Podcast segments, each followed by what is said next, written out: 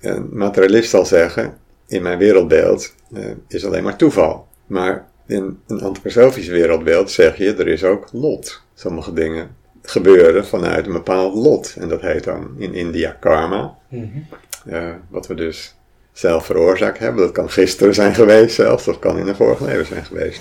Dus er is een bepaalde visie op hoe de wereld in elkaar zit. En hoe ik ook als mens in elkaar zit. Maar het is iets wat we niet als geloof moeten aannemen. Mm Waarbij je eerst zelf maar eens een persoonlijke verhouding toe moet vinden. Door dat bijvoorbeeld te verbinden met hoe jouw wereld eruit ziet. Um, en misschien kun je het verbinden met, met begrippen die je toch al gebruikt. En dan wordt het wat zinvoller. Dus het is een stukje beschrijving van de wereld en van de mens. Um, die, naarmate je er langer mee bezig uh, bent, helemaal wat duidelijker wordt, wat vertrouwder wordt.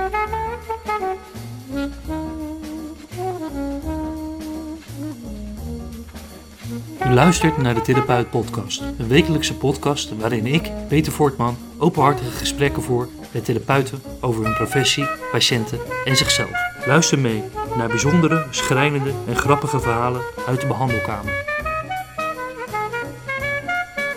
Vandaag ga ik in gesprek met Harry Salman, cultuurfilosoof, onderzoeker, schrijver, oud-onderwijzer. Een gesprek over het spirituele en het sociale in de antroposofie aan de hand van zijn boek De sociale wereld als mysterieplaats.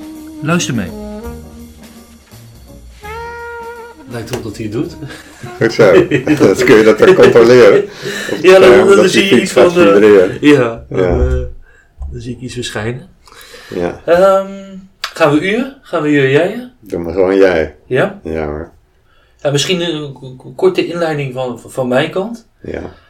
Ja, zoals ik net zei, normaal gesproken voer ik gesprekken met, met, met, met therapeuten en zorgverleners over, mhm. over, over hun vak, over de cliënten en de inzichten die ze op hebben gedaan. Ja. En uh, soms ook met antroposofisch geschoolde of geïnspireerde uh, mensen. Want ik, uh, ik werk in een antroposofisch therapeuticum, een gezondheidscentrum met een antroposofische identiteit. Ja. Maar dan denk ik direct dat voor mij antroposofie, dat, dat heb ik niet van huis uit meegekregen.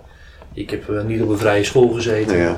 Ik, uh, ik had er eigenlijk nooit echt van gehoord voordat ik mm -hmm. hier uh, kwam werken. Ja. En, en, en, het resoneert wel. de uitwerking van de antroposofie, die re resoneert heel erg. Ik, -hmm. ik, geloof in, in, in, de vrije scholen, in de, de, de, zorg die wij verlenen in het therapeuticum, maar ook de, de gehandicaptenzorg. Ja. Dat, dat, dat, dat, dat sta ik 100% achter en voor. Um, en ik probeer me een beetje te verdiepen in antroposofie en dat is best een lastige mm. ingang. Ja. Dat, uh, dat blijft op een of andere manier vaag. Mm -hmm. En eigenlijk ook aan iedereen die het vraagt, ook mijn collega's met wie ik werk, als ik vraag ja. wat is antroposofie, dat, dat, dat, dat, dat blijft gewoon lastig. Ja. En ja, dus er is een gedeelte dat resoneert en er is een gedeelte mm -hmm. wat wat ik ingewikkeld vind. Ja. En daar is ook een gedeelte dat, dat, dat, dat roept zelfs een beetje, dat bevreedt mij, of dat roept zelfs een beetje weerstand op. Ja. En dat, dat, dat is lastig. En vooral, ik, uh, ik, ik ben atheïstisch opgevoed. Mm -hmm. uh, dan heb je ook min, ja, minder aansluiting met bepaalde uh, manier ja. van denken. Ja. Het is een manier van denken, ja. Ja. Nu herinner ik mij dat de eerste keer dat ik de naam Fortman tegenkwam, ja. dat was Hans Fortman. Ja. Uh, natuurlijk een naamgenoot, maar misschien geen familie. Uh, een pater, ja. die ook professor was in Nijmegen. Ja, cultuurpsycholoog. Cultuurpsycholoog, en daar hele mooie dingen over heeft gezegd, die ik dus in de jaren zeventig gelezen heb. Echt waar? Ja, ik, oh, heb, ze, ik, heb, ik heb de boeken van Hans ja. Een stuk of vier, heb ik hier thuis staan in de kamer. En welke? Want ik, ik heb er ook een aantal. Nou, het is Oosterse Renaissance, wat een klein boekje is, en dan Alsziende de Onzienlijke, oh, en dat gaat over godsdienstpsychologie. Ja, dat... Uh, het is heel interessant wat hij ja. gedaan heeft. Ik heb hem nooit ontmoet, maar dat is de herinnering aan de naam. Ja. En dan Fortman zelfs ook ja. met twee N'en. Oh, wat leuk. Ja dat. Dat, dat, klopt. Het is, volgens mij, het is geen... Ja, het is ergens wel familie, maar niet, niet directe familie in die zin dat ik... Dat, dat het een... Uh, dat het een verre neef is. Nee, dat nee volgens mij is een neef van een neef. Zo'n zo soort link. Ja, ja. Maar ik, desalniettemin heb ik ook wel wat van zijn boeken. Ook de uh, Alziende de onziende, of het onziende. Ja. Um, um, dus nou, dat ligt al dicht bij de antroposofie. Echt wel, ja? Dat, ja, uh, ja, zeg maar zijn toegang tot het spirituele. Mm -hmm. Ehm, ik weet niet of hij ooit met antroposofie kennis heeft gemaakt. Dat, dat weet ik ook niet meer. Uh, dat was voor mijzelf toen ook nog niet aan de orde. Mhm. uh, toen ik het las. Dus nou, het is heel leuk. Ja. Heel leuk. Ja. Ja, en wat ik ook leuk vind in je boek, het boek wat we gaan bespreken, Ja. de socia- sociale wereld als mysterieplaats, Mhm.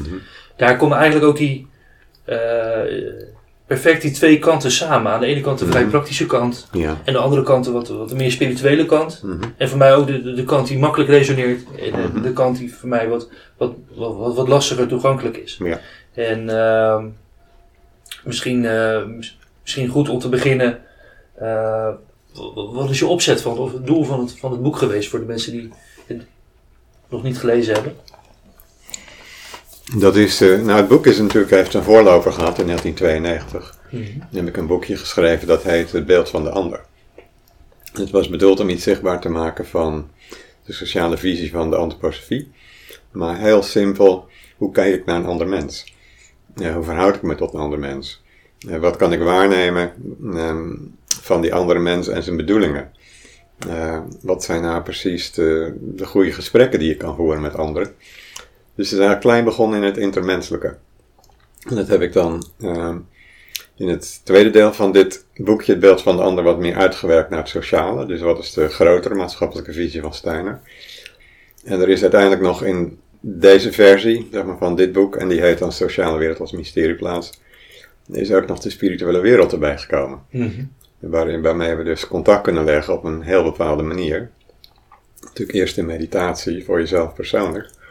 Maar het kan ook door in groepen met andere mensen samen te werken en gesprekken te voeren. Waarin plotseling allerlei ingevingen opduiken. En, en mensen iets gaan waarnemen. Zeg een situatie begrijpen met elkaar in het gesprek. En dan betekent dat voor mij dat de spirituele wereld meedenken. En ons kunnen inspireren. En het is dus dat hele lastige idee van een mysterieplaats en wat zijn nou mysterieën. Maar die gebeuren tussen mensen. Doordat zich een hele andere dimensie opent. ehm, die voor sommige mensen te maken heeft met, eh, met geestelijke wezens, zoals engelen. Of misschien ook eh, gestorven mensen die zich op die manier weer kenbaar kunnen maken. Ehm, en voor iemand die niet deze achtergrond heeft, eh, zou je het heel open kunnen houden. Mhm. We zeggen dat er nog een hele geheimzinnige wereld buiten de zichtbare wereld ligt. Die we in de droom bijvoorbeeld ook eh, kunnen ervaren. Waar ook hele speciale dingen gebeuren die, eh, die toch van de andere kant komen. Zonder dat je ze meteen hoeft te combineren met ehm, geestelijke wezens. Of met de geestelijke wereld. Ehm, dus voor mij is eigenlijk de beste manier om met mensen over antroposofie te praten. Dat is ehm, met hen te spreken over de dromen die ze hebben. Mhm. En eh, of dat ook eh, belangrijke dromen zijn voor ze. Ja, Want er zijn dromen waarin je iets eh, ziet van je eigen toekomst. Ehm, of iets uit je eigen verleden. En dat ook, als je wakker wordt, je kunt herinneren. En je dan kan afvragen, is dat zo? Of afwachten, gebeurt dat binnenkort? Ehm, en er zijn ook in onze droom ontmoetingen met mensen. Waarin we dus zelf gesprekken kunnen voeren met ze. Dat zijn dan de zogenaamde lucide dromen of de hele heldere dromen, waarin je bewust bent van het feit dat je droomt. Nou, dan ben je dus in een hele andere wereld terechtgekomen, ehm, waaruit hele zinnige dingen kunnen voortkomen voor je gewone leven. En dat zijn dan natuurlijk niet alle dromen die we hebben, die zijn vaak bepaald door de donder die ergens eh, klinkt, of een kat die op je bed springt, of daar kun je ook in je droom wat van beleven. Maar er zijn hele belangrijke droomervaringen die mensen het gevoel geven, er is nog een andere wereld. En uit die wereld, eh, over die wereld spreekt de antroposofie. Heb je zelf wel eens van zulke dromen? Ja, dat gebeurt vrij regelmatig. Dat ik mensen tegenkom met wie ik bezig ben. Oké. Ehm, ik weet nog dat ik een keer een boekje aan het schrijven was over Mikhail Gorbachev. En dat is uit 1988, denk ik.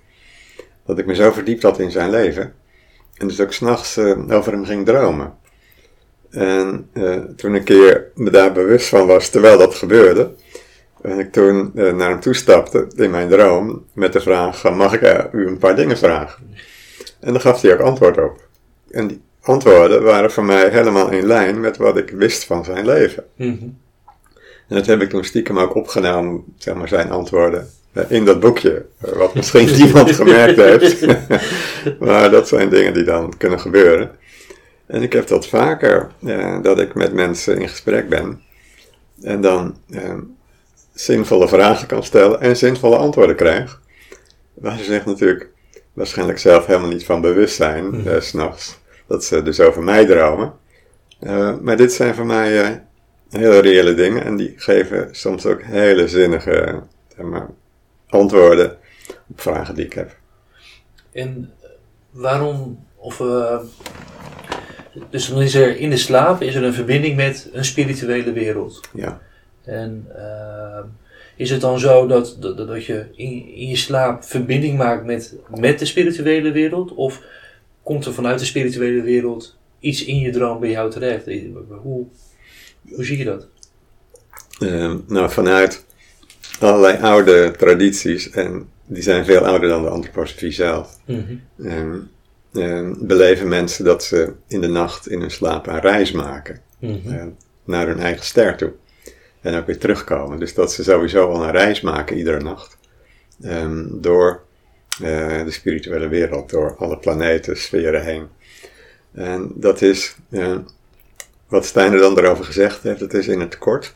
Dus wat wij in de nacht doormaken, dat is in het heel kort wat wij na de dood doormaken. Maar dan, want dan maken we ook zo'n reis. Mhm. En die, kan, die duurt dan eh, wat langer dan die ene nacht. En daar komen we ook weer een keer uit terug. Ehm, en dan hebben we ook een aantal dingen onderweg geleerd. ehm, in die periode tussen twee levens. En zo kun je ook voorstellen dat je ehm, s s'nachts dus een korte reis maakt. Mhm. ehm, en daar ook ehm, bepaalde ervaringen doormaakt. Dat je even terugkijkt op, het op de dag die net ge- afgesloten is. En dat je de volgende ochtend wakker wordt met een besluit, of de sterke wil, om nog iets te veranderen in wat je gisteren teweeg hebt gebracht. Ehm, en dat is voor mij ehm, ook vaak de vrucht van een nacht. Dat ik mezelf even opnieuw oriënteer in mijn Mhm. leven.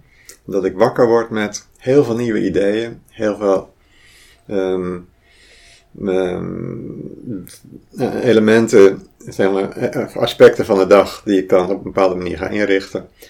Ehm, en dat is de vrucht van de nacht. Zoals je ook s'nachts wakker kan worden op een antwoord, met een antwoord op een vraag waarmee je bent ingeslapen. Mhm. Dus dat zijn hele kleine dingen, maar die zijn voor mij heel belangrijk.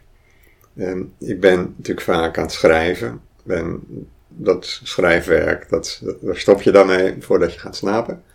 Maar het, schrijf, het innerlijke schrijfwerk gaat door. Mhm. Dus je komt eh, op ideeën s'nachts. En die komen dan toch voor mij uit de spirituele wereld vandaan. Die ik dan meteen gebruik om de volgende dag weer verder te gaan. Dus ik heb soms een kwartier nodig om alles op te schrijven. Wat ik uit de nacht meegenomen heb bij het wakker worden. Ehm, in antroposofie geloven ze in reïnc- reïncarnatie. Mhm. En dat, dat, je eigenlijk eh, in dit leven komt om iets te leren, om vervolgens weer mee terug te nemen en door te leren. Ja. Ehm, in, de- is dat, dat, dat eh, hier komen en weer teruggaan, is dat naar de spirituele wereld toe? Of is dat een, is dat een andere dimensie, een andere wereld? Dat is een lastige vraag.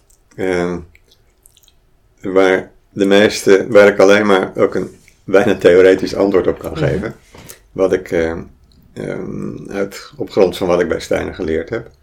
Maar ook op grond van wat andere mensen mij verteld hebben. Eh, want het is niet alleen in de antroposofie dat mensen overtuigd zijn van reïncarnatie, maar er is wel eens onderzoek naar gedaan. Ongeveer 70% van de mensheid gaat uit van dit idee. Ehm, omdat ze dat voor een deel nog in oude culturen kunnen ervaren. Bijvoorbeeld bij de Eskimo's, dat een gezin weet dat de gestorven opa weer in hun kind teruggekomen is. Eh, en dus ook weer de naam van opa krijgt. Ehm, en, ehm, en voor een deel hebben mensen ook daar wat eigen ervaringen mee, dat ze dus zich herinneren dat ze een bepaald leven ergens geleid hebben. En dat geldt ook voor mijzelf. Dat ik dus innerlijk weet dat ik al eens een ander leven heb geleid op een bepaalde plek, in een bepaalde tijd. En dat ik daar bepaalde mensen heb ontmoet, die ik nu in dit leven weer tegenkom. Dus ehm, dat is dan voor mij, is, voor mij is het geen geloof in reïncarnatie, Mhm. maar ik weet dat het er is, omdat ik zelf herinneringen heb en ervaringen van andere levens.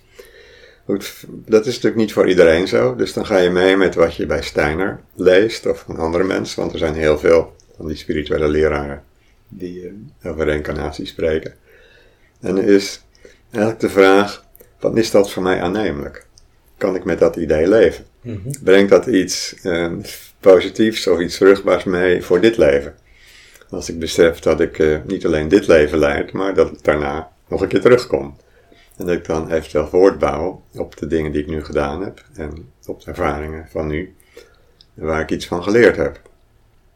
Um, dus, um, en de reis die, die je dan maakt tussen twee levens, is naar mijn idee ook dezelfde reis als dat je in de nacht maakt. Mm Maar je uh, kan dan op allerlei stations van die grote reis, blijf je dus wat langer.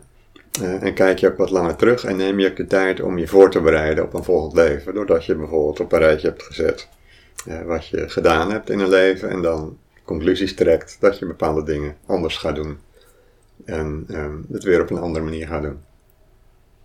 Want, want uh, wat is de functie van ehm, zowel op aarde zijn of in de zintuigelijke wereld en, in, en dan inchecken s'nachts in de slaap in de spirituele wereld? Ja. En, uh, je zou kunnen zeggen van, nou, we leven gemiddeld 80, 85 jaar. Mm -hmm. uh, je, je, je, doet hier uh, ervaring op en die neem je vervolgens weer mee terug. Ja. En dat, dat, dat, is, dat is de verbinding. Wat, wat zou het idee kunnen zijn achter uh, in de slaap telkens verbinding daarmee maken?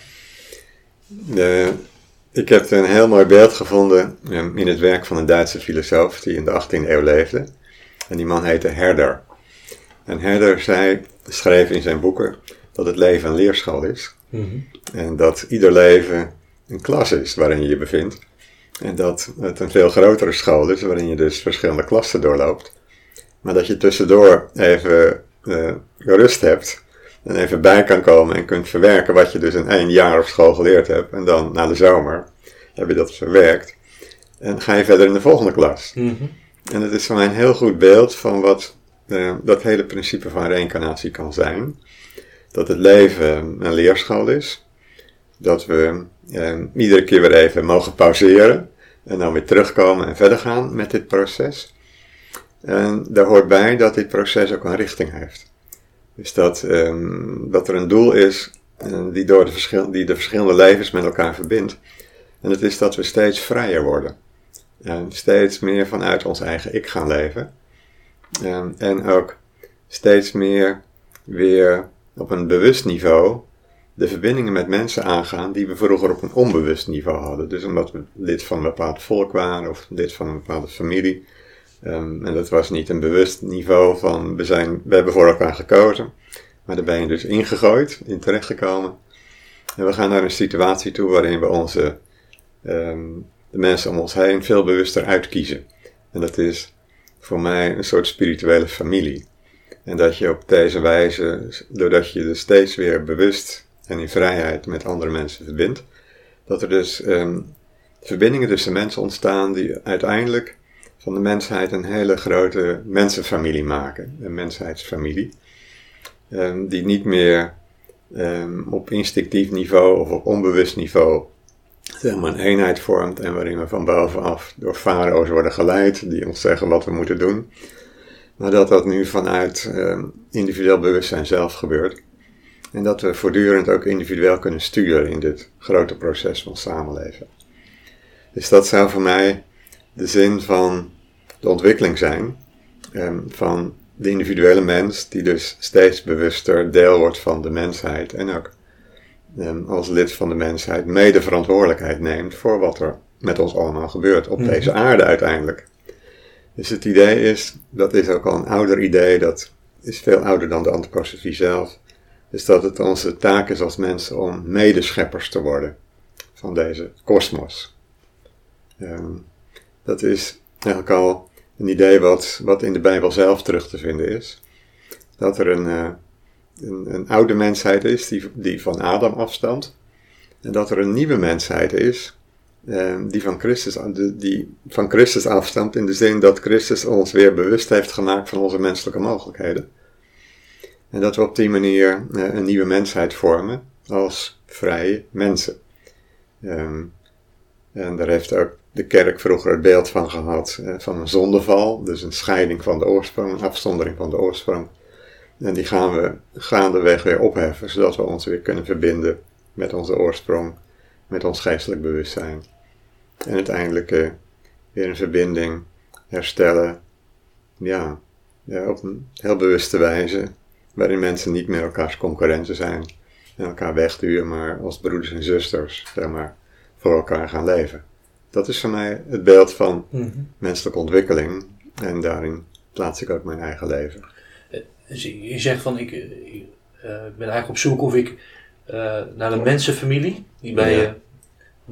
Is dat een mensenfamilie die bij jou past? Zijn er dan meerdere families onder de mensen die je zou kunnen scheiden? Of is het idee dat het één familie moet worden? Of en probeer je dan aan te sluiten bij een familie die, mm die in dezelfde lijn als jou denken ligt nu? Of hoe?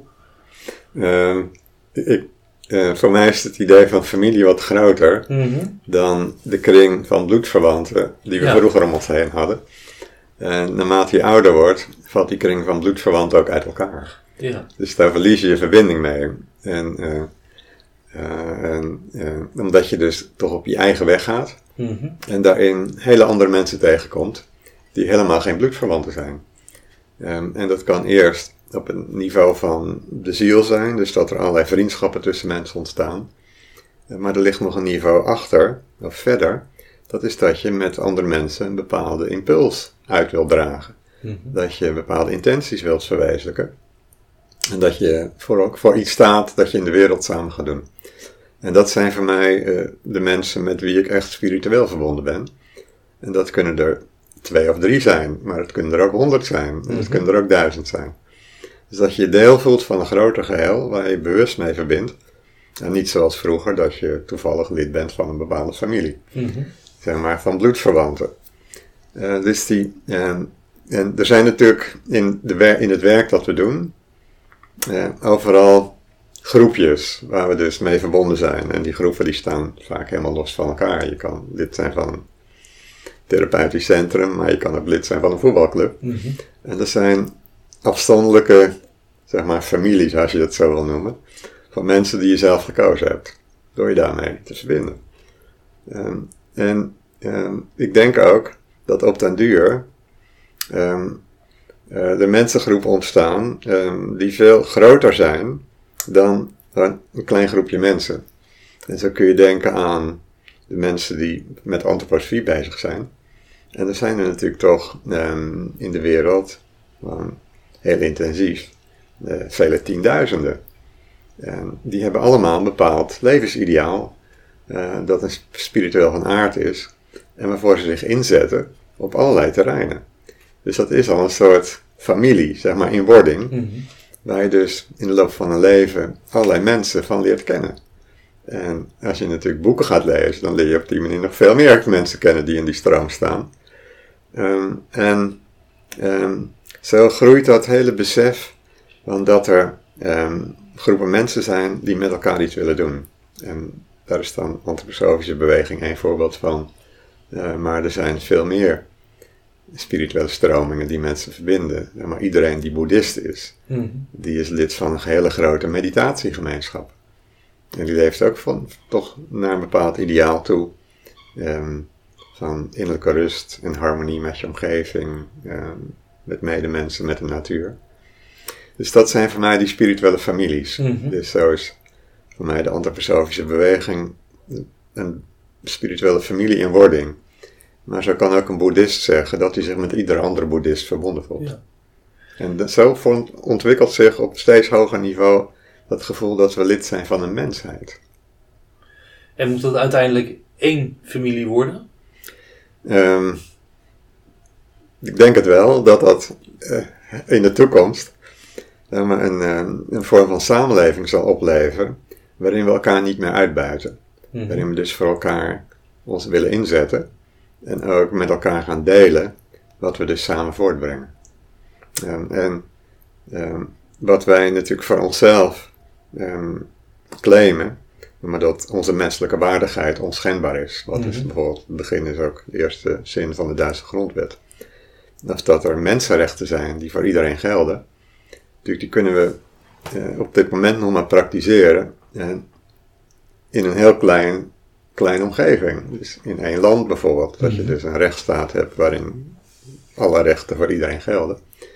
Uh, maar wat we dus voor onszelf dan claimen, dat zou eigenlijk voor ieder lid van de mensheid moeten gelden. Dus dat ieder mens ook recht heeft op een woning, op eten, op bescherming tegen, tegen rampen. Maar zover zijn we nog niet. Mm Dat we het besef hebben dat we daar ook iets voor moeten doen. Want dat zou natuurlijk betekenen dat er veel meer geld, als het ware, moet worden verdeeld. En dat het werk dat we doen niet alleen voor onszelf is, maar ook voor anderen. Dus het is een heel lang proces dat misschien nog duizenden jaren gaat duren. Dus daar heb ik ook niet zoveel illusies over dat het al snel kan worden gerealiseerd. Maar dit is een ontwikkelingsweg van de mensheid. En we zijn natuurlijk al als mensheid al heel lang onderweg. Um, en dat heeft ook bepaalde veranderingen in de cultuur teweeggebracht, zodat we nu heel anders denken um, dan 2000 jaar geleden. En als je kijkt naar de mensheid en in, uh, in de ontwikkeling van de mensheid als geheel, ja. zijn enig idee of we dan nu in de, de, de, de, de kleuter- of puberfase zitten of uh, enig... Uh... Ja, um, ik heb bij Steiner wel eens gelezen dat hij beschrijft dat de mensheid, um, westerse mensheid, ongeveer 2, 23 jaar oud is. Okay. Dat wil zeggen, we zijn net volwassen geworden als mens, Europese mensen, of als westerse mensen. Mm -hmm. Dus we beginnen verantwoordelijk, ons verantwoordelijk te voelen vanuit ons ik-gevoel, vanuit onze volwassen beleving van de wereld. Um, dat is ongetwijfeld zo, maar het is een gemiddelde. Ik denk dat er mensen zijn die door hun innerlijke ontwikkeling wat verder zijn, dus ook mm. wat meer verantwoordelijkheid op zich nemen. En voor anderen een leraar kunnen zijn of een voorbeeld. Um, dus uh, ik denk dat er grote verschillen zijn tussen mensen en ook tussen groepen mensen. En waar komt het verschil vandaan? Dat is, heeft te maken toch met een soort uh, rijpheid, zeg maar, een innerlijke ontwikkeling die we doorgemaakt hebben. En waarin we als mensen, individuele mensen, eerst de ontwikkeling van de hele mensheid, dus de hele voorgeschiedenis van de mensheid, nog een keer doorlopen. Totdat we op een punt zijn gekomen dat we in het heden zijn aanbeland. Dus ook verantwoordelijk zijn voor ons leven. Um, en niet meer um, als, uh, als naïeve en onschuldige kinderen ja, maar, uh, nog kunnen rondlopen zonder ons te bekommeren om anderen. Uh, dus er is wel degelijk vooruitgang. En, en die zien we ook natuurlijk binnen één land, zeg maar, verschillen tussen mm -hmm. mensen, verantwoordelijkheden van mensen, maar ook verschillen um, in bewustzijn. En er zijn mensen die door hun levensomstandigheden heel sterk verbonden zijn met het fysieke overleven. Dus met zorgen dat je je geld verdient, dat je overeind blijft. Um, maar er zijn ook andere mensen die, die hebben een wat ruimere blik, die zitten in een heel andere levenssituatie. Mm. En uh, uh, beseffen dat ze uh, ook voor anderen veel kunnen doen. En dat dat eigenlijk veel belangrijker is dan wat ze alleen maar voor zichzelf willen doen. Um, dus ja, verschillen tussen mensen. Um, ik, um, we maken niet graag verschillen tussen mensen, mm -hmm. want we zijn in principe allemaal gelijk als mens. Uh, uh, maar in onze spirituele ontwikkeling en in onze talenten uh, zijn we natuurlijk verschillend. Dus het is dat verhaal uit de Bijbel dat de ene mens één talent heeft gekregen, en de andere vijf en de andere tien. En daar moeten we wat mee gaan doen. Um, um, dat is ook een heel mooi verhaal dat, dat um, mensen die, dus dat is een soort parabel, dat heet een parabel in, in, in het leven van Jezus, die dan voortdurend parabels vertelt, om mensen iets te leren, iets duidelijk te maken. En dan iemand die met twee talenten is begonnen en er vier van heeft gemaakt, die krijgt er nog vier bij. Maar degene die zijn talent in de grond heeft gestopt en er niets mee gedaan heeft, zelfs niet dat talent aan een bank heeft gegeven om er nog wat rente op te, op aan, aan te verdienen overhouden. Aan hem, van hem wordt dat talent afgenomen. Dus mensen werken met talenten. Mhm. En, en hebben dus daar eh, verschillende aantallen talenten natuurlijk me- meegekregen in hun leven. Voor een deel bepaald door wat ze in een vorige leven gedaan hebben. Voor een deel bepaald door omstandigheden waarin ze gewoon terecht zijn gekomen in dit leven. Ehm, als je in een oorlog wordt geboren, dan heb je natuurlijk hele andere mogelijkheden dan wanneer je in een welvaartsstaat eh, ter wereld komt. Dus daarin zijn mensen verschillend. Maar ze kunnen die verschillen eh, die er zijn in mogelijkheden natuurlijk ook weer delen met elkaar. In je boek spreek je over de, de, de kleine en de grote drempelwachter. Ja, Ehm, en als ik het goed be- begrepen heb, dan is de kleine drempelwachter ehm, op het moment dat je je bewust bent van je talenten en je, je zwakheden, ja, als, je die, eh, als die voor je bekend zijn, dan kan je eventueel eh, contact maken met de grote drempelwachter, die je lotsbepaling zou kunnen ingeven. Dus Ja. zie, zie, zie ik dat? ja. Dat, dat heb je duidelijk onder woorden gebracht. Ja. Er komt voor iedereen een moment dat je eh, beseft eh, dat je nog wat aan jezelf te werken hebt. Dat je eh, een moeilijk mens bent misschien, in bepaalde opzichten. Eh, omdat andere mensen daar jou voortdurend eh, over lastig vallen en dat jou duidelijk maken dat je bepaalde dingen nog moet leren. Ehm, dus dat is, een, dat is een stukje van je eigen onvolmaaktheden, laat ik dat zo maar even noemen. Je eigen onvolmaaktheden. Ehm, en ehm, voortdurend worden we daarmee geconfronteerd met stukjes van ons eigen leerproces, dat we nog niet serieus hebben aangepakt, zodat er nog een eh, onvolmaakt kantje aan onszelf is. Nou, dat is nou, de gang van het leven. Eh, maar eh, er zijn situaties waarin we plotseling veel meer van dat soort onvolkomenheden aan onszelf gaan opmerken. En dat we die in, in een beeld zien van onszelf met onze zwakheden en ook onze lichtpunten, onze positieve kanten. En het is een ervaring die mensen soms hebben in wat speciale situaties. Dat ze, ehm, dat ze even uit zichzelf getrokken zijn. Dat ze, ehm, dat ze misschien dronken zijn of onder invloed van iets. En dan zichzelf waarnemen. En dan nemen ze hun, wat dan heet, hun dubbelganger waar. Mhm. En het is een thema uit de literatuur van de 19e eeuw. Dat er dus van, bij Guy de Maupassant en Dostoevsky, die hebben boeken geschreven en die heten De Dubbelganger. Waarin ze beschrijven dat mensen plotseling zichzelf zien in al hun zwakheden. En dan schrikken. Ehm, ehm, en ook Steiner beschrijft zo'n situatie, maar hij zegt dan, ja, op zo'n moment zien we ook lichtpuntjes. Het is niet allemaal zwart, maar het is zwart-wit. We zien dus onze witte lichte kanten en we zien onze zwarte negatieve kanten. Ehm, en in die ontmoeting kunnen we beslissen of we ehm, onszelf gaan aanpakken. Of we iets met onszelf gaan doen. Of we dus gaan werken aan onszelf. En dat is dus het punt waarop onze innerlijke ontwikkeling begint. Dus als we dat niet, maar, het werk aan onszelf laten afhangen van de kritiek van anderen, maar dat we naar onszelf kijken en ehm, zelf besluiten om een bepaalde zwakheid om te vormen tot een kracht. Nou, dat is dus het werk aan onszelf. Ehm, en dat is een levenslang proces. Ehm, ehm, dat ook wel eens ja, door, door, door heel veel mensen wordt beschreven dat je tegenwoordig in alle spirituele scholen en alle psychologische scholen terugvindt. Mhm. Want zo'n ontmoeting met wat een dubbelganger heet, die heet in de school van Carl Gustav Jung, dus de psychotherapie heet dat ontmoeting met de schaduw. Ja.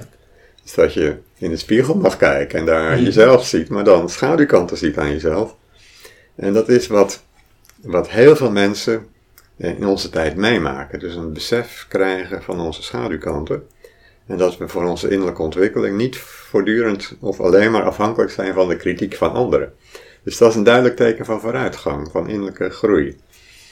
Nou, als we dus zo doorwerken aan onze eigen ontwikkeling, waarin we in feite ons verleden omwerken, want zoals we nu zijn, met onze zwakheden en talenten, is een gevolg van wat we gisteren, maar ook in ons hele leven gedaan hebben. Dus dan is de blik nog gericht op het verleden. Van wat kan ik doen om mijn verleden te verwerken? Maar er komt een punt dat die blikrichting zich omslaat. En dat we plotseling eh, zien hoe we in de toekomst zouden kunnen worden. Dus dat we een toekomstbeeld gaan waarnemen, of misschien zelfs creëren. Eh, en dat we besluiten om ons in een bepaalde richting te ontwikkelen. En dat kan één aspect zijn. Dat je zegt, eh, ik wil een goede sportsman worden. Mhm.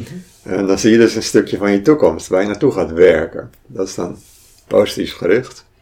Um, en er zijn, er zijn situaties, um, beschrijft Steiner dan, maar ook anderen hebben dat beschreven, dat je die toekomstige mens die jij wilt worden, gaat worden, dat je die in één keer waarneemt als een hele mooie gestalte, een stralende gestalte. Ja, waarin je jezelf waarneemt in al je talenten en alles wat je wilt gaan ontwikkelen. En het interessante is bij bijna doodervaringen, mm dan ontmoeten mensen vaak zo'n lichtende gestalte waarin ze naar zichzelf, waarin ze zichzelf gaan waarnemen. En, ehm, en waarin ze dan beseffen, als ze weer teruggekomen zijn, dat ze hun leven anders moeten inrichten. Omdat ze iets gezien hebben ehm, van zichzelf dat ze willen worden. Hoe dus die grote en die kleine wachter op de drempel, dat heeft te maken met onze terugblik naar het verleden. Mhm. En met de vooruitblik van wat we zouden kunnen worden. Heb je zelf ooit zo'n ervaring gehad? Ja, nou het zijn natuurlijk twee ervaringen. Mhm. Natuurlijk met je eigen onvermogens. En ehm, ja, dat is mij heel bekend. Dat je dus plotseling ontdekt dat je altijd op dezelfde manier uh, op bepaalde vormen van kritiek reageert. Mhm. Dus dat er patronen zitten in je gedrag die je niet zomaar kan veranderen. Die bijna automatisch tevoorschijn komen. Dus dat je op bepaalde soort opmerkingen altijd op dezelfde manier uh, reageert. Of dat je zelfs nooit kritiek verdraagt. Dat je dat altijd weer teruggooit op de ander. En dat heet dan een projectie, natuurlijk in de psychologie. Ja, dus dat zijn onze bijna dwangmatige reacties. Um, waar natuurlijk die door anderen worden waargenomen, want die kennen ons vaak veel beter dan wij onszelf kennen. Dus die zien dan dat wij altijd op een bepaalde manier reageren. En die weten dan hoe, we, hoe, we, hoe zij ons met, met handschoenen aan moeten aanpakken. Om te verhinderen dat ze dus uh, onheus bejegend worden door ons. Dus als dat maar vaak genoeg gebeurt, kritiek van anderen of van zelfwaarneming, uh, dan ga je beseffen, er is iets dat gewoon niet klopt in mijn gedrag. En wat ik dan in zulke situaties uh, dan doe, is dat ik even terugkijk van hoe oud is dat eigenlijk, deze vorm van reactie. Kan ik me herinneren wanneer dat ooit begonnen is in mijn leven, misschien in mijn jeugd, dat ik een keer um, um, niet rechtvaardig werd behandeld en dat er toen een bepaald verzet is ontstaan tegen bepaalde soorten mensen die mij dus niet goed behandelen. Dus um, al die onvolmaaktheden aan onszelf, die hebben een bepaalde achtergrond. En die kunnen ook een heel duidelijke reden hebben. Dus dat we nooit geleerd hebben ze onder ogen te zien en er wat mee te doen. Uh, het kan natuurlijk ook zijn dat we een bepaald soort gedrag, uh, woede-uitbarstingen bijvoorbeeld, uh, overgenomen hebben van onze ouders die dat ook zo deden, of van een grootouder die dat zo deed. Dat is allemaal onbewuste nawerking van wat we ooit van uit het verleden hebben meegekregen. Dat je dan op een moment beseft, dus dan kijk je even in die, naar die kleine drempelwachter. Dat je dan zegt, ja, dat moet een keer afgelopen zijn. En, en, eh, en daar heb ik één heel duidelijke herinnering aan, dat ik opeens besefte dat ik met een hele strenge blik, en soms ook met een veroordelende blik, uh, gewoon naar mensen kon kijken. Wat ik het er niet mee eens was. En dan leek het wel alsof ik ze veroordeelde. En dan besefte, ja, dat deed ook iemand in mijn jeugd, uit mijn eigen omgeving ook. Dus dat heb ik overgenomen.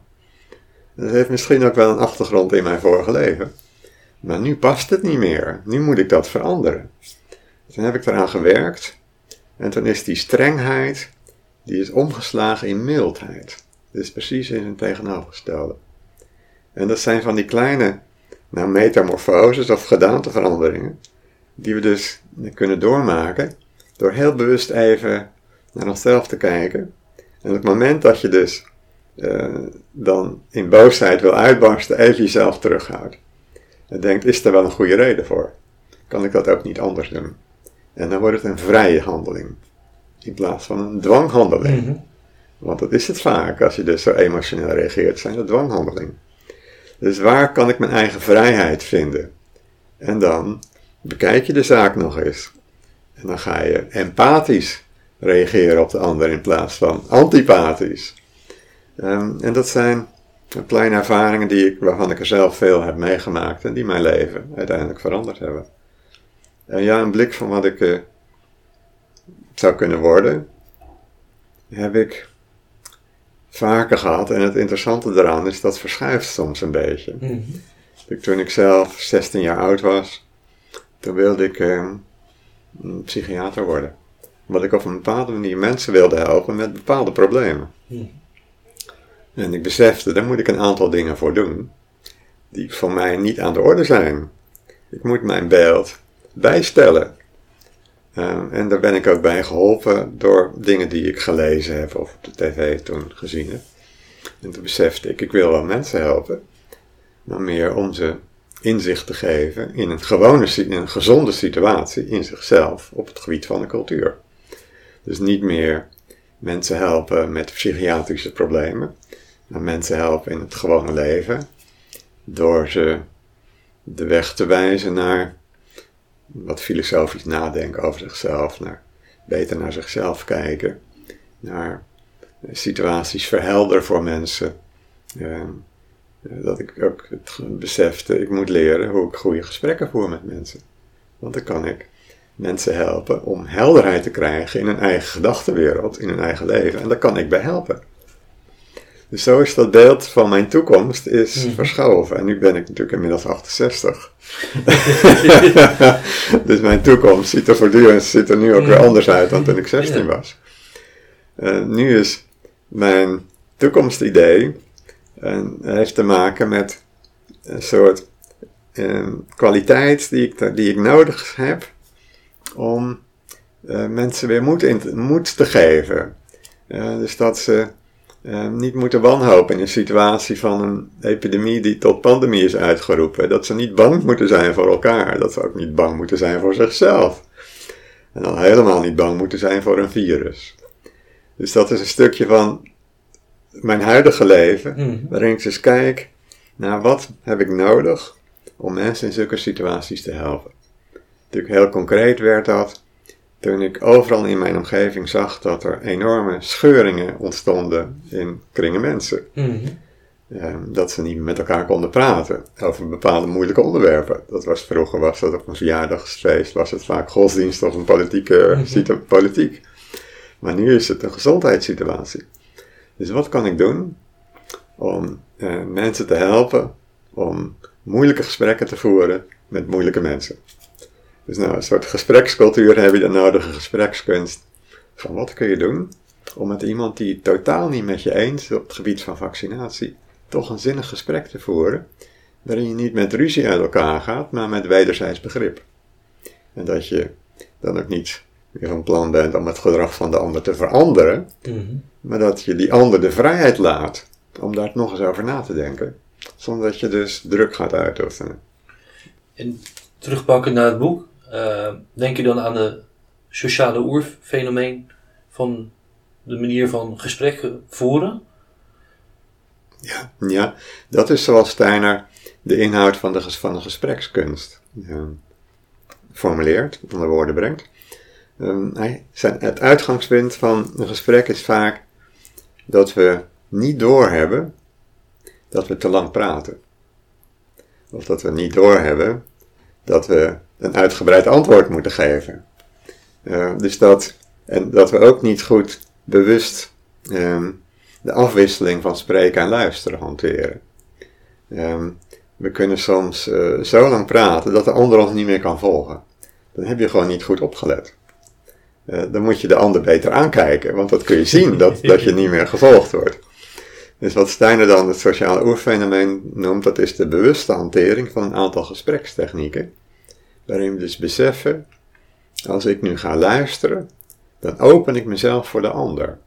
En dan moet ik niet bezig zijn met mijn weerwoord te formuleren, dat komt later wel. Maar dan moet ik me eerst maar eens verdiepen in wat hij zegt. En dat bewust opnemen, dus daar ruimte voor maken. Want het sociale leven is voor mij altijd verbonden met ruimte maken voor een ander. Dus dat kan al heel klein in een gesprekssituatie. Het kan ook heel groot in een parlement, waar we dus ruimte maken voor de behoeften en de rechten en plichten van alle Nederlanders. Zonder dat daar machtsgroepen en belangengroepen en lobbyisten mogen ingrijpen. Dus die ruimte moet vrij blijven. Dus ook zo in een gesprekssituatie, ik luister nu naar jou. En ik probeer jou te begrijpen.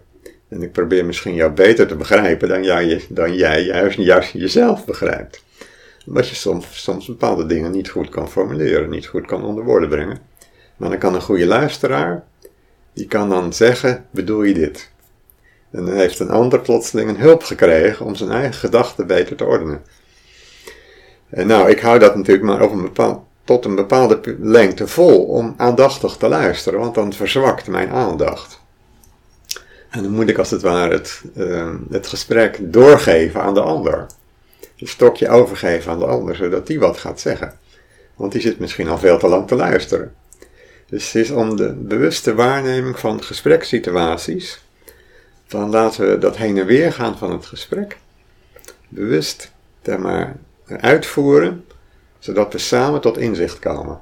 En dan wordt het doel van een gesprek niet een gezellig babbeltje, maar de vorming van wederzijds inzicht. En dat hebben we af en toe nodig. Dat zijn de zinvolle gesprekken. Um, die Steiner toen via dat beeld van het sociale oerfenomeen, van het gesprek, van de ontmoeting, gewoon onder de aandacht heeft gebracht.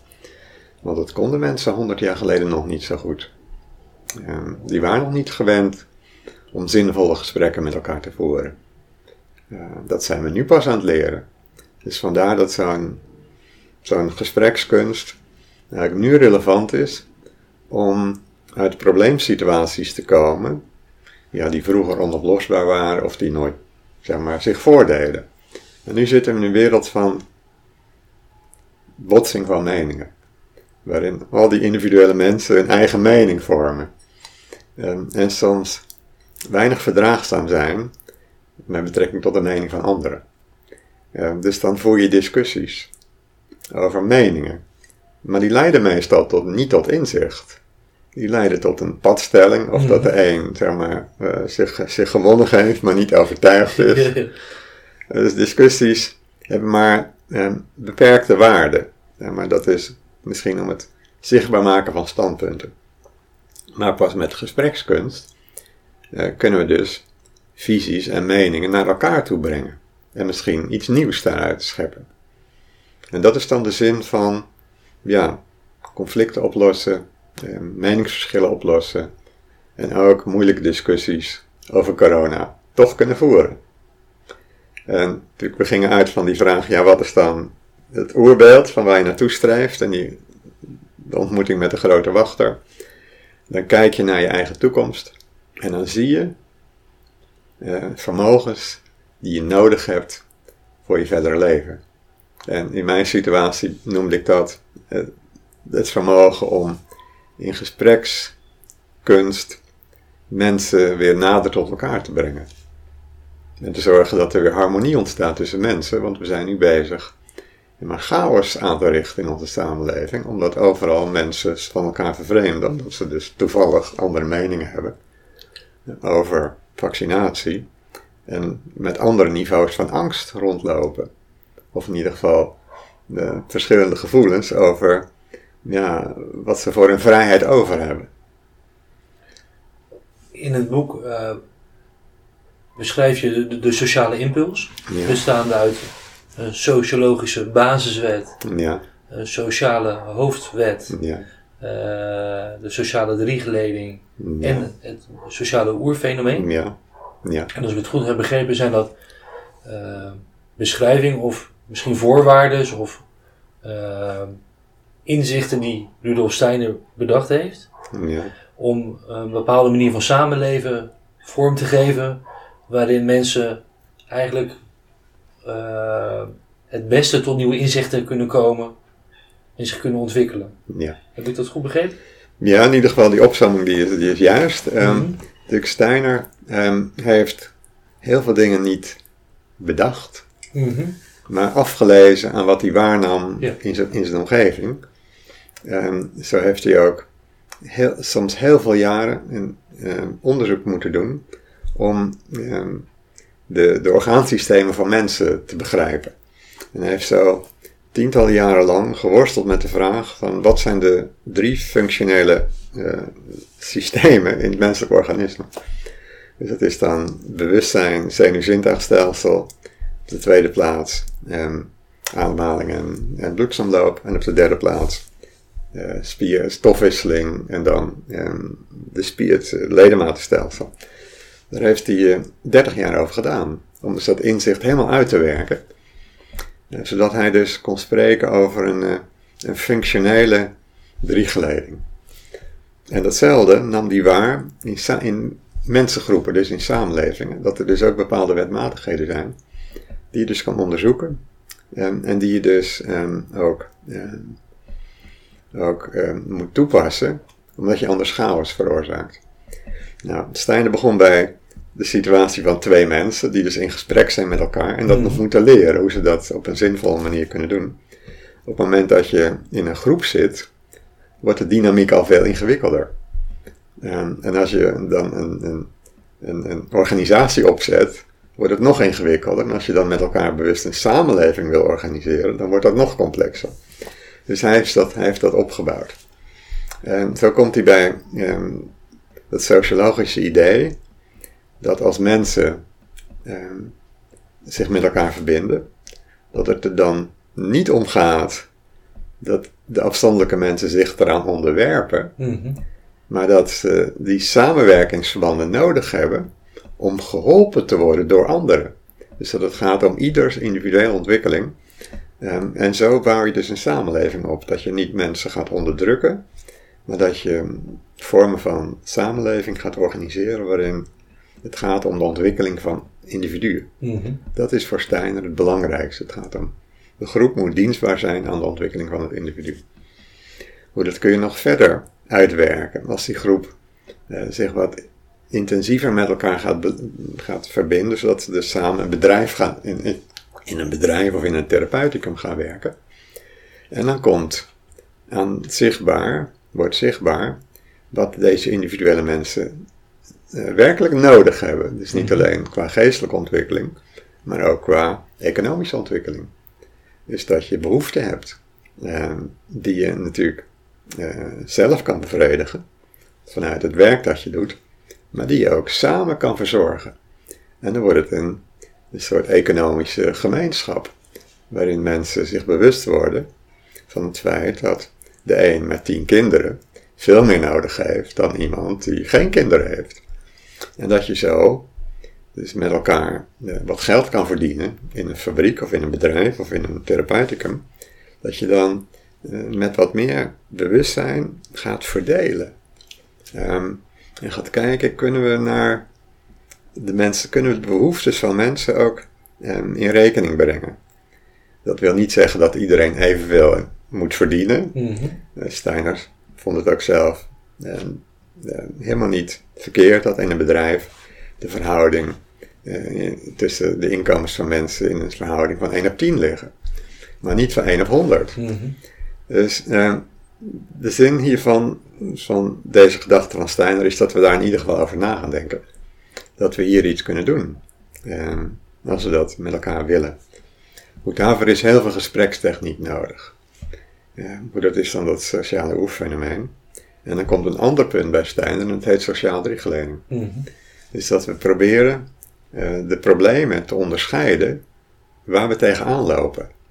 Er zijn sommige vraagstukken die te maken hebben met cultuur, dus met innerlijke ontwikkeling, met geestelijke ontwikkeling, met gezondheid, met onderwijs. Dat zijn allemaal cultuurzaken voor Steiner.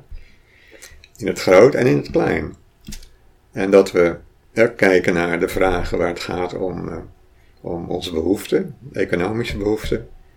Ehm, en dat we die op een andere manier eh, kunnen oplossen ehm, dan we dat doen met problemen in, het, in de cultuur. Waar we te maken hebben met mensen met verschillende talenten. Dus de een heeft meer inzicht dan de ander. En in economische kwesties gaat het er bij Steiner om dat, er, dat mensen met elkaar, met elkaar moeten overleggen die inzicht hebben in de wezenlijke aspecten van het economisch leven. Dus wat is de vraag waarvoor geproduceerd wordt? Hoe gaan we dat produceren?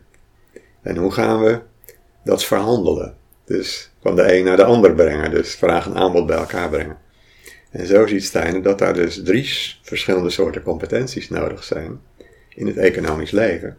Waar dus niet de overheid zich mee moet gaan bemoeien, mm maar ook niet uh, de universiteit en een geleerde zich mee moeten gaan bemoeien, maar er zijn mensen die in het werk zelf staan. En dan zegt Steiner ook nog, er zijn bepaalde vragen, um, daar worden we mee geconfronteerd als mensen. Ongeacht wat we nodig hebben, ongeacht onze kennis.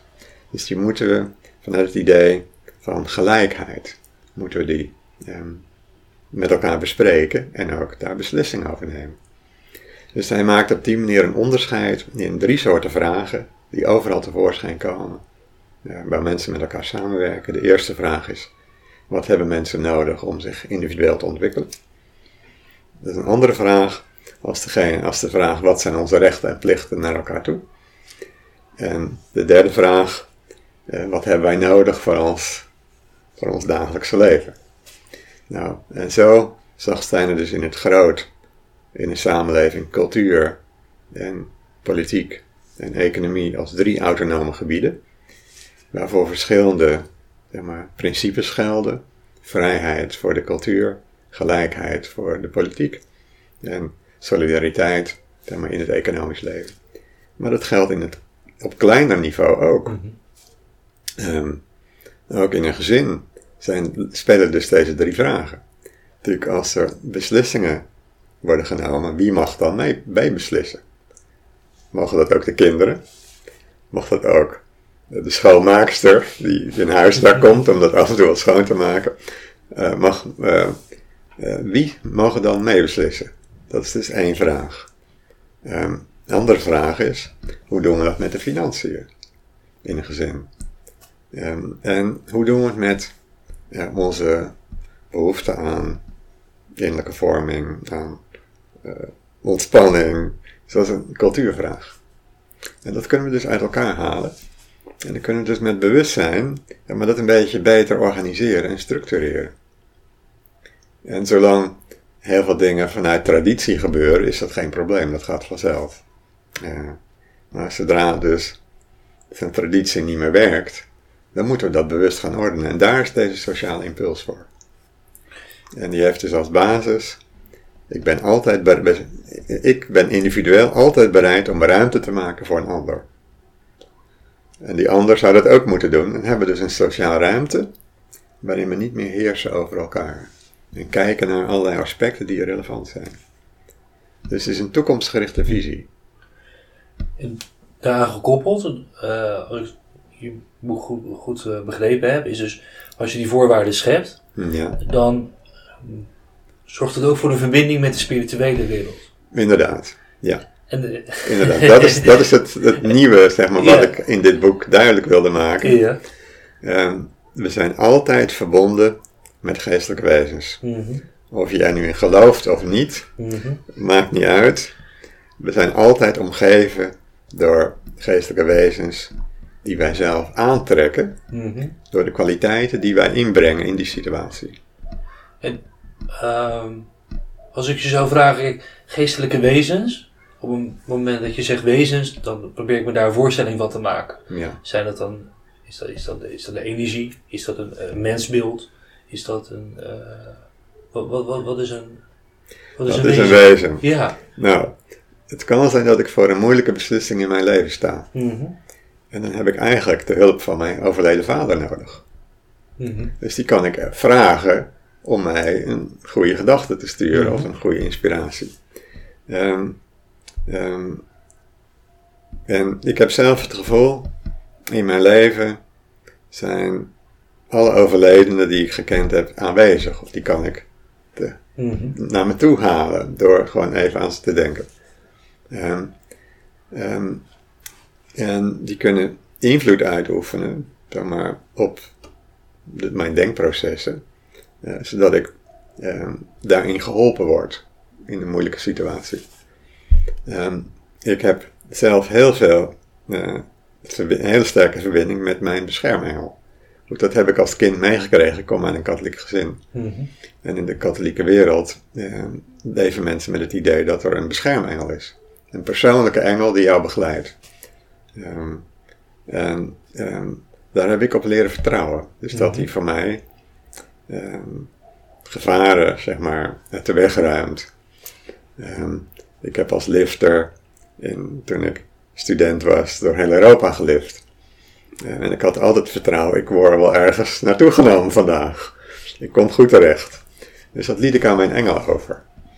en die kon dan, van mijn gevoel als ik daarop terugkijk, kon die dus automobilisten plotseling inspireren om voor mij te stoppen. En mij mee te nemen. Want het is toch op grond van een bepaalde beslissing stopt mhm. een auto.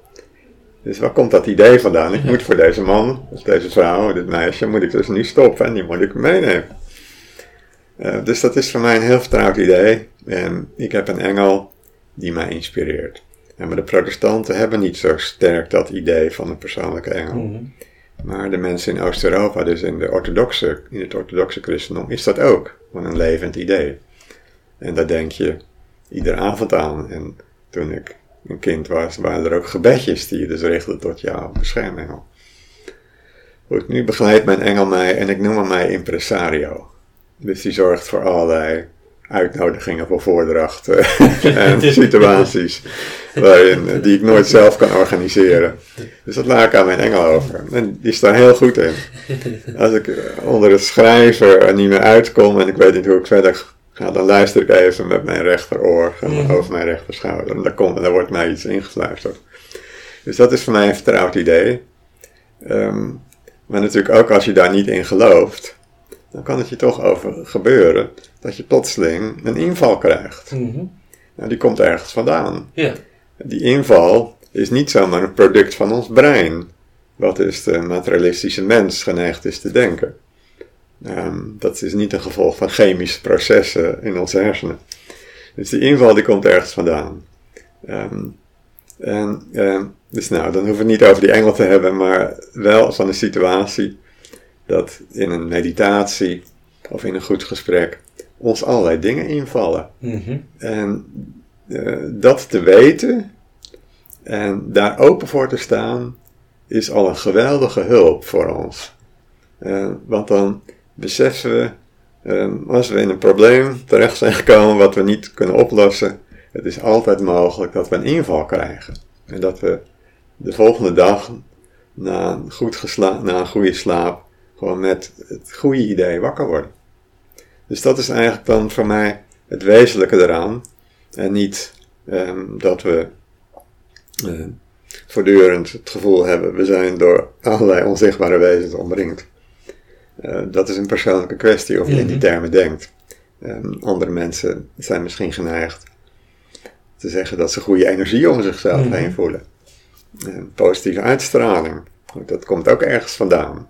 Dat je verder ook niet een eh, een volledig beeld van te hebben, maar die energieën komen ook ergens vandaan. Uh, je kan natuurlijk ook een situatie zien dat, dat uh, een aantal alcoholisten aan de bar staat. En er ontstaat ook een hele speciale atmosfeer om deze mensen. Um, en als je helderzien bent, maar wat ik dus niet ben, maar in een bepaalde mate, dan zou je dat kunnen zien. En dat hebben dus helderzienden mij verteld dan zie je dus dat er allerlei duistere wezens om deze dronkaards heen staan. En die, uh, die dwingen als het ware deze, deze drinkenbroers om steeds meer te drinken, totdat ze compleet dronken zijn. Want dat, is, dat geeft aan deze duistere wezens, je mag ze spoken noemen of demonen, maakt niet uit, dat is energie die zij tot zich trekken. En dat is wat een hele oude psychologie is, en die is wel, die is, die is duizenden jaren oud, dat mensen waarnamen dat zij, mm, dat zij dus aangevallen werden door allerlei demonische wezens. Maar, daar praten wij eigenlijk nauwelijks mhm. over, maar in de literatuur zeg maar, van het oude Griekenland, waar heette dit wezen een daimon. wat nu een demon geworden is, Mhm. dat is eigenlijk een oud Grieks woord. En dat kon een goede geest zijn die jou begeleidde, maar dat kon ook een negatieve geest zijn die jou uitzoog, die energieën van jou vandaan haalde. Die zich bijvoorbeeld voedde met de woede die jij, uit, die jij in een uitbarsting zeg maar, om je heen uitstraalde. En, en zo waren er ook verschijn, eh, situaties waarin ehm, dus alcoholisme werd versterkt door allerlei demonen die dus die alcohol, zeg maar, begeerte van mensen tot voeding namen.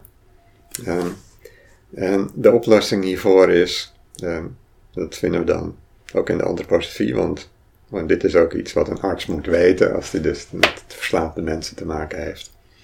Of een psychiater. Demonen moet je uithongeren. Dat is het enige antwoord dat Ita Wegman, de grondlegster van de antroposofische geneeskunde, kon geven aan de verslaafde. Je moet die demonen die om jou heen hangen en die jou voortdurend zeg maar, weer in je verslaving duwen, die moet je geen voedsel meer geven. En dan vallen ze je niet meer lastig. Dan gaan ze zich zelfs omvormen, zeg maar, van negatief naar positief en dan worden dat je helpers. Dus dat is de weg van zeg maar, een antroposofische psychotherapie. Mhm. Dat je dus leert omgaan met al die wezens die, die wij naar ons toe trekken door negatieve gedachten, door negatieve emoties, in negatieve, agressieve daden. Want daar verbinden zich wezens mee. Mhm. Ja, maar dus dat is een heel ander soort wezens dan mijn beschermengel. Dat zijn, in de oude christelijke psychologie zijn dat duivels. Maar dat is niet belangrijk hoe we ze noemen. Eh, dit is wat iedereen kan waarnemen. Zeg maar die negatieve energieën die, on- die aan Mhm. ons zuigen. Maar die verslaafde die daar geen weerstand aan kan bieden. Die zich hulpeloos voelt. Die moet innerlijke kracht opbouwen om daar weerstand aan te bieden. En op dat moment is die bezig zich daarvan te bevrijden. En kan die dus die negatieve sfeer die die dus daarmee aantrekt, omdraaien in een positieve sfeer. Ook dat is wat een antroposofische psychotherapeut bijvoorbeeld leert te doen. En ook heel veel niet-antroposofische, maar wel spiritueel gerichte therapeuten ook werkelijk doen. Die dat vaak ook zelfs kunnen waarnemen. Maar niet iedere antroposofische psychotherapeut kan waarnemen zeg maar, wat er om mensen hangt. Maar er zijn dus helderziende mensen buiten de antroposofie die dat wel kunnen zien. Want dat idee van. ehm, hoe moet dat uitleggen? Want antroposofie is geen religie. Nee, het is geen religie. En ehm, het gebruik van, van, van wezens. Ja, En, ehm, dat, dat, dat, ehm, dat is een vertaling eh, die, die jij eraan geeft, maar daar zou je ook zelf een metafoor voor kunnen gebruiken. Voor het zou energie kunnen zijn. Ja. Of, ja, want voor, voor, voor mij als eh atheïstisch opgevoed iemand is het lastig om op het moment dat het gaat over, over, over, over wezens of engelen, ja. dan probeer ik me daar een verbeelding van te maken en dan gaat het ergens mis. mhm, En tegelijkertijd hoorde ik wel ja, wat je zegt en eh, resoneert het ook. Want ik, ik, Mm. eh, negatieve energie, als je ergens negatieve, als je negatieve energie voedt, dan wordt dat, wordt dat meer en groter. En als je positieve energie voedt, wordt het ook meer en groter. Dus je, je kan dus, het staat vrij in de antroposofie om daar zelf een, een taal voor te vinden. Of, ja. Ja, antroposofie kan ik op verschillende manieren beschrijven. Om het dus eh, zo eenvoudig mogelijk te maken. En dat heb ik natuurlijk tientallen jaren aan studenten ook Hmm. moeten doen. Die meestal nooit van antroposofie gehoord hadden. Hmm. Dan zeg ik, nou, antroposofie is een bepaald wereldbeeld. Dat is één niveau. Daar zitten allerlei elementen in die helemaal niet passen in een materialistisch wereldbeeld van deze tijd. Maar er zitten misschien elementen in waar jij wel iets mee kunt verbinden, zoals energieën. En dat noem ik dan wezens. Ehm, een materialist zal zeggen, in mijn wereldbeeld eh, is alleen maar toeval. Maar in een antroposofisch wereldbeeld zeg je, er is ook lot. Sommige dingen gebeuren vanuit een bepaald lot. En dat heet dan in India karma. Mhm. Eh, wat we dus zelf veroorzaakt hebben. Dat kan gisteren zijn geweest zelfs, dat kan in een vorig leven zijn geweest. Dus er is een bepaalde visie op hoe de wereld in elkaar zit. En hoe ik ook als mens in elkaar zit. Uh, maar het is iets wat we niet als geloof moeten aannemen, Mhm. waarbij je eerst zelf maar eens een persoonlijke verhouding toe moet vinden. Door dat bijvoorbeeld in eigen te verbinden met wat je zelf al, zeg maar, hoe jouw wereld eruit ziet.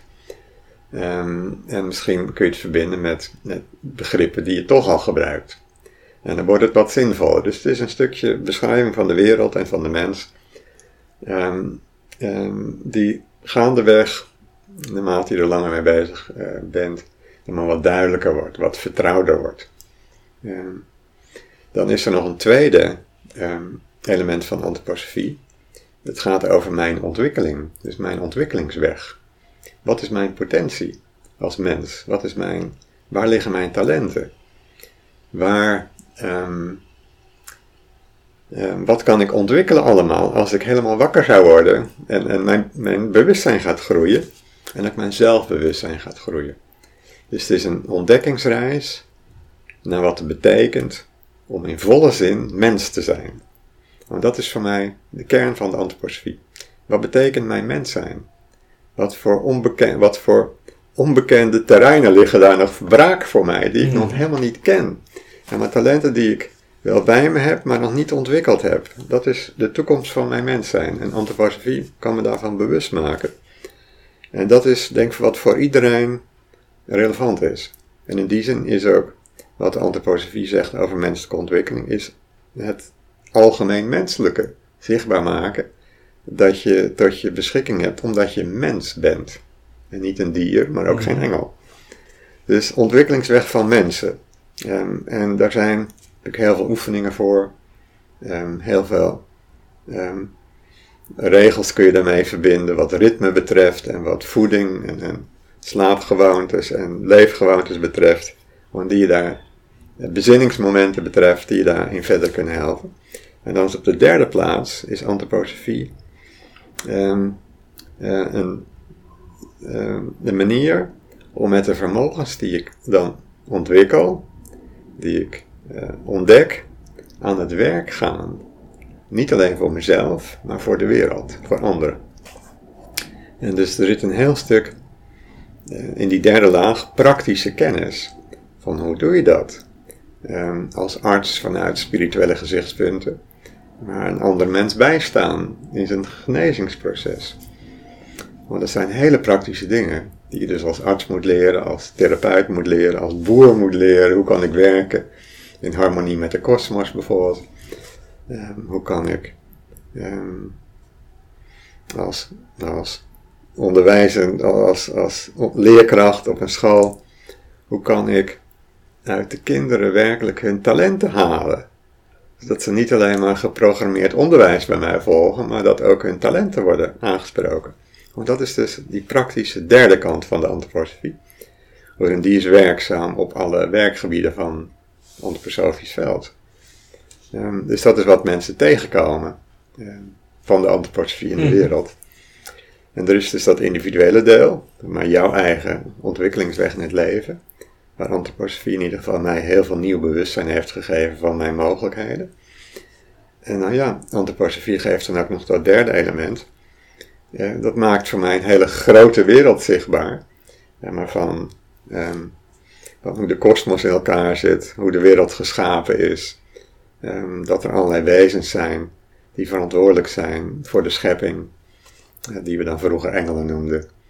Um, of aartsengelen. Er zijn nog allerlei andere namen ook voor andere groepen. Ook het idee dat er um, ergens een schepper is, dat de wereld niet toevallig ontstaan is. Dat die schepper, dat ik mij met deze, sche deze schepper kan verbinden, zodat ik zelf medeschepper word. Dat is dus dat grote wereldbeeld. Wat natuurlijk een, een niet medeschepper? Zo, ja, medeschepper. Een, een schepper van. Uh, je gaf eerder ook aan, de, de, een van de, de doelen van de, van de mensheid is scheppen Ja. in, in de kosmos. Ja. En, en scheppen in de zin van, in de- ja, zou je dat kunnen verduidelijken? Ja, dit, dit speelt een heel belangrijke rol eh, buiten de antroposofie en daar heet het co-creation. Mhm. Dat, je, dat we als mensen co-creators zijn en dat we dus een verantwoordelijkheid hebben voor deze aarde. Mhm. Dat wij dus deze aarde mede vorm kunnen geven. En daar een tuin van maken. Een, paradijs, een paradijs voor de mensheid. Zeg maar, wat het ooit zeg maar, in dat oude Bijbelse beeld geweest is. Een paradijs Mhm. waar wij verdreven zijn. Maar we zijn dus in staat om met elkaar zeg maar, van de natuur weer een paradijs te maken. En dan ben je dus medeschepper, co-creator. We zijn ook in staat om van deze samenleving die uit elkaar aan het vallen is, waarin de strijd tussen mensen en egoïsme zeg maar, de basisprincipes zijn geworden, om daar met elkaar een, een samenleving van vrede en, en gerechtigheid van te maken. Eh, en dat, dat doet de geestelijke wereld niet voor ons. Dat doen de engelen ook niet voor ons, dat moeten we zelf doen. Dus we moeten ook niet God de schuld geven van het slechte in de wereld, maar het is door mensen veroorzaakt. Die dus niet in dat proces van medeschepping zijn gestapt, of daar nog niet zijn, die al eerst, eerst maar eens met hun eigen leven bezig zijn. Maar er komt een moment, zeg maar, dat moment van ver- medeverantwoordelijkheid dragen voor de wereld om ons heen. Dus dat we bewust eh, proberen om van onze gemeenschappen, onze groepen, onze bedrijven, onze grotere wereld, eh, een heel vruchtbaar verband van samenwerking en, en, en solidariteit. En ook, ja, liefde, als je dat woord wilt gebruiken, te maken. Zodat dat in plaats van strijd maar tussen mensen gaat heersen. En dat vraagt van ons co-creatie. En dat bedoel ik met medeschepper zijn. Want God gaat dat niet voor ons doen. Dat is nu aan mensen, zeg maar, gegeven. Om daar een eigen taak in te nemen. En ja, co-creator. Dus medeschepper van deze wereld. Want dat is wat we allemaal een beetje aan het doen zijn. Doordat we eh, op bepaalde momenten anderen helpen, situaties scheppen waarin anderen zeg maar, steun krijgen, situaties waarin anderen genezen kunnen worden. Want zo zijn we voortdurend met elkaar bezig, zonder dat we daar misschien volledig besef van hebben. Maar op het moment dat we dat met meer bewustzijn gaan doen, dan gaat het proces in versnelling. Dan komen we in een nieuwe wereld terecht. Want ook het, de situatie waarin we nu ons bevinden, ehm, van chaos. Er zijn al enkele tientallen jaren mensen bezig die zeggen: we, we hebben een andere wereld nodig. Maar die andere wereld komt er niet vanzelf. Die wereld van harmonie en van vrede tussen mensen. Ehm, daar kan Waarom? iedereen wat voor doen. Wa- Waarom hebben we dat eigenlijk nodig? Wa- Waarom, waarom, eh, ja, misschien eens gevraagd waarom zijn we hier met het doel? Of dat, dat, hè, ehm, Ja. Ehm, als ik in conflict situaties ben, kan ik niet optimaal functioneren. mhm. word ik zelfs, zelfs ziek. Als ik in een situatie van harmonie leef, dan kan ik opbloeien. Dan kan ik geestelijk groeien. En dan kan ik ook die ander zien groeien. En dan ontwikkel je harmonie, zeg maar, met, met je partner, met je vrienden om je heen en met de mensen voor wie je werkt. En dat is voor mij toch het doel van het leven op deze aarde. Ja, maar zorgen voor harmonie en dat zorgen dat er voor iedereen een plek is. Dat iedereen gelukkig kan zijn. Dat iedereen realiseert, verwezenlijkt wat in hem zit. Ehm, en daar ehm, zet ik me in ieder geval voor in. Dat heb ik misschien in mijn jeugd niet zo bewust gezien. Eh, maar het is gaandeweg gegroeid in mij. Dat ik eh, als volwassen mens gewoon enorme mogelijkheden heb. ehm, eh, om die voor anderen in te zetten. En anderen kunnen hun enorme mogelijkheden voor mij inzetten. En dat is dus een ontwikkeling ehm, die vroeger werd georganiseerd van boven door een koning of een farao of een despoot. En tegenwoordig kunnen we dat zelf doen. En dat is dus de sociale weg. En waar de antroposofie dan van Steiner dan wat hulp bij biedt. Maar het is niet meer dan hulp, want wij moeten het wel zelf doen. Mooi. Ik, eh, ik zie dat we op, eh, op iets meer dan een uur en een kwartier zitten. Dus Ja. eh, ik, ik ga je hartelijk danken. Nou, U luisterde naar de Therapeut podcast. Abonneer u via uw favoriete podcast app en krijgt elke week automatisch een nieuwe aflevering. We horen graag uw mening. Vragen, opmerkingen of suggesties kunt u sturen naar info.detherapeutpodcast.nl of laat een review achter via uw podcast.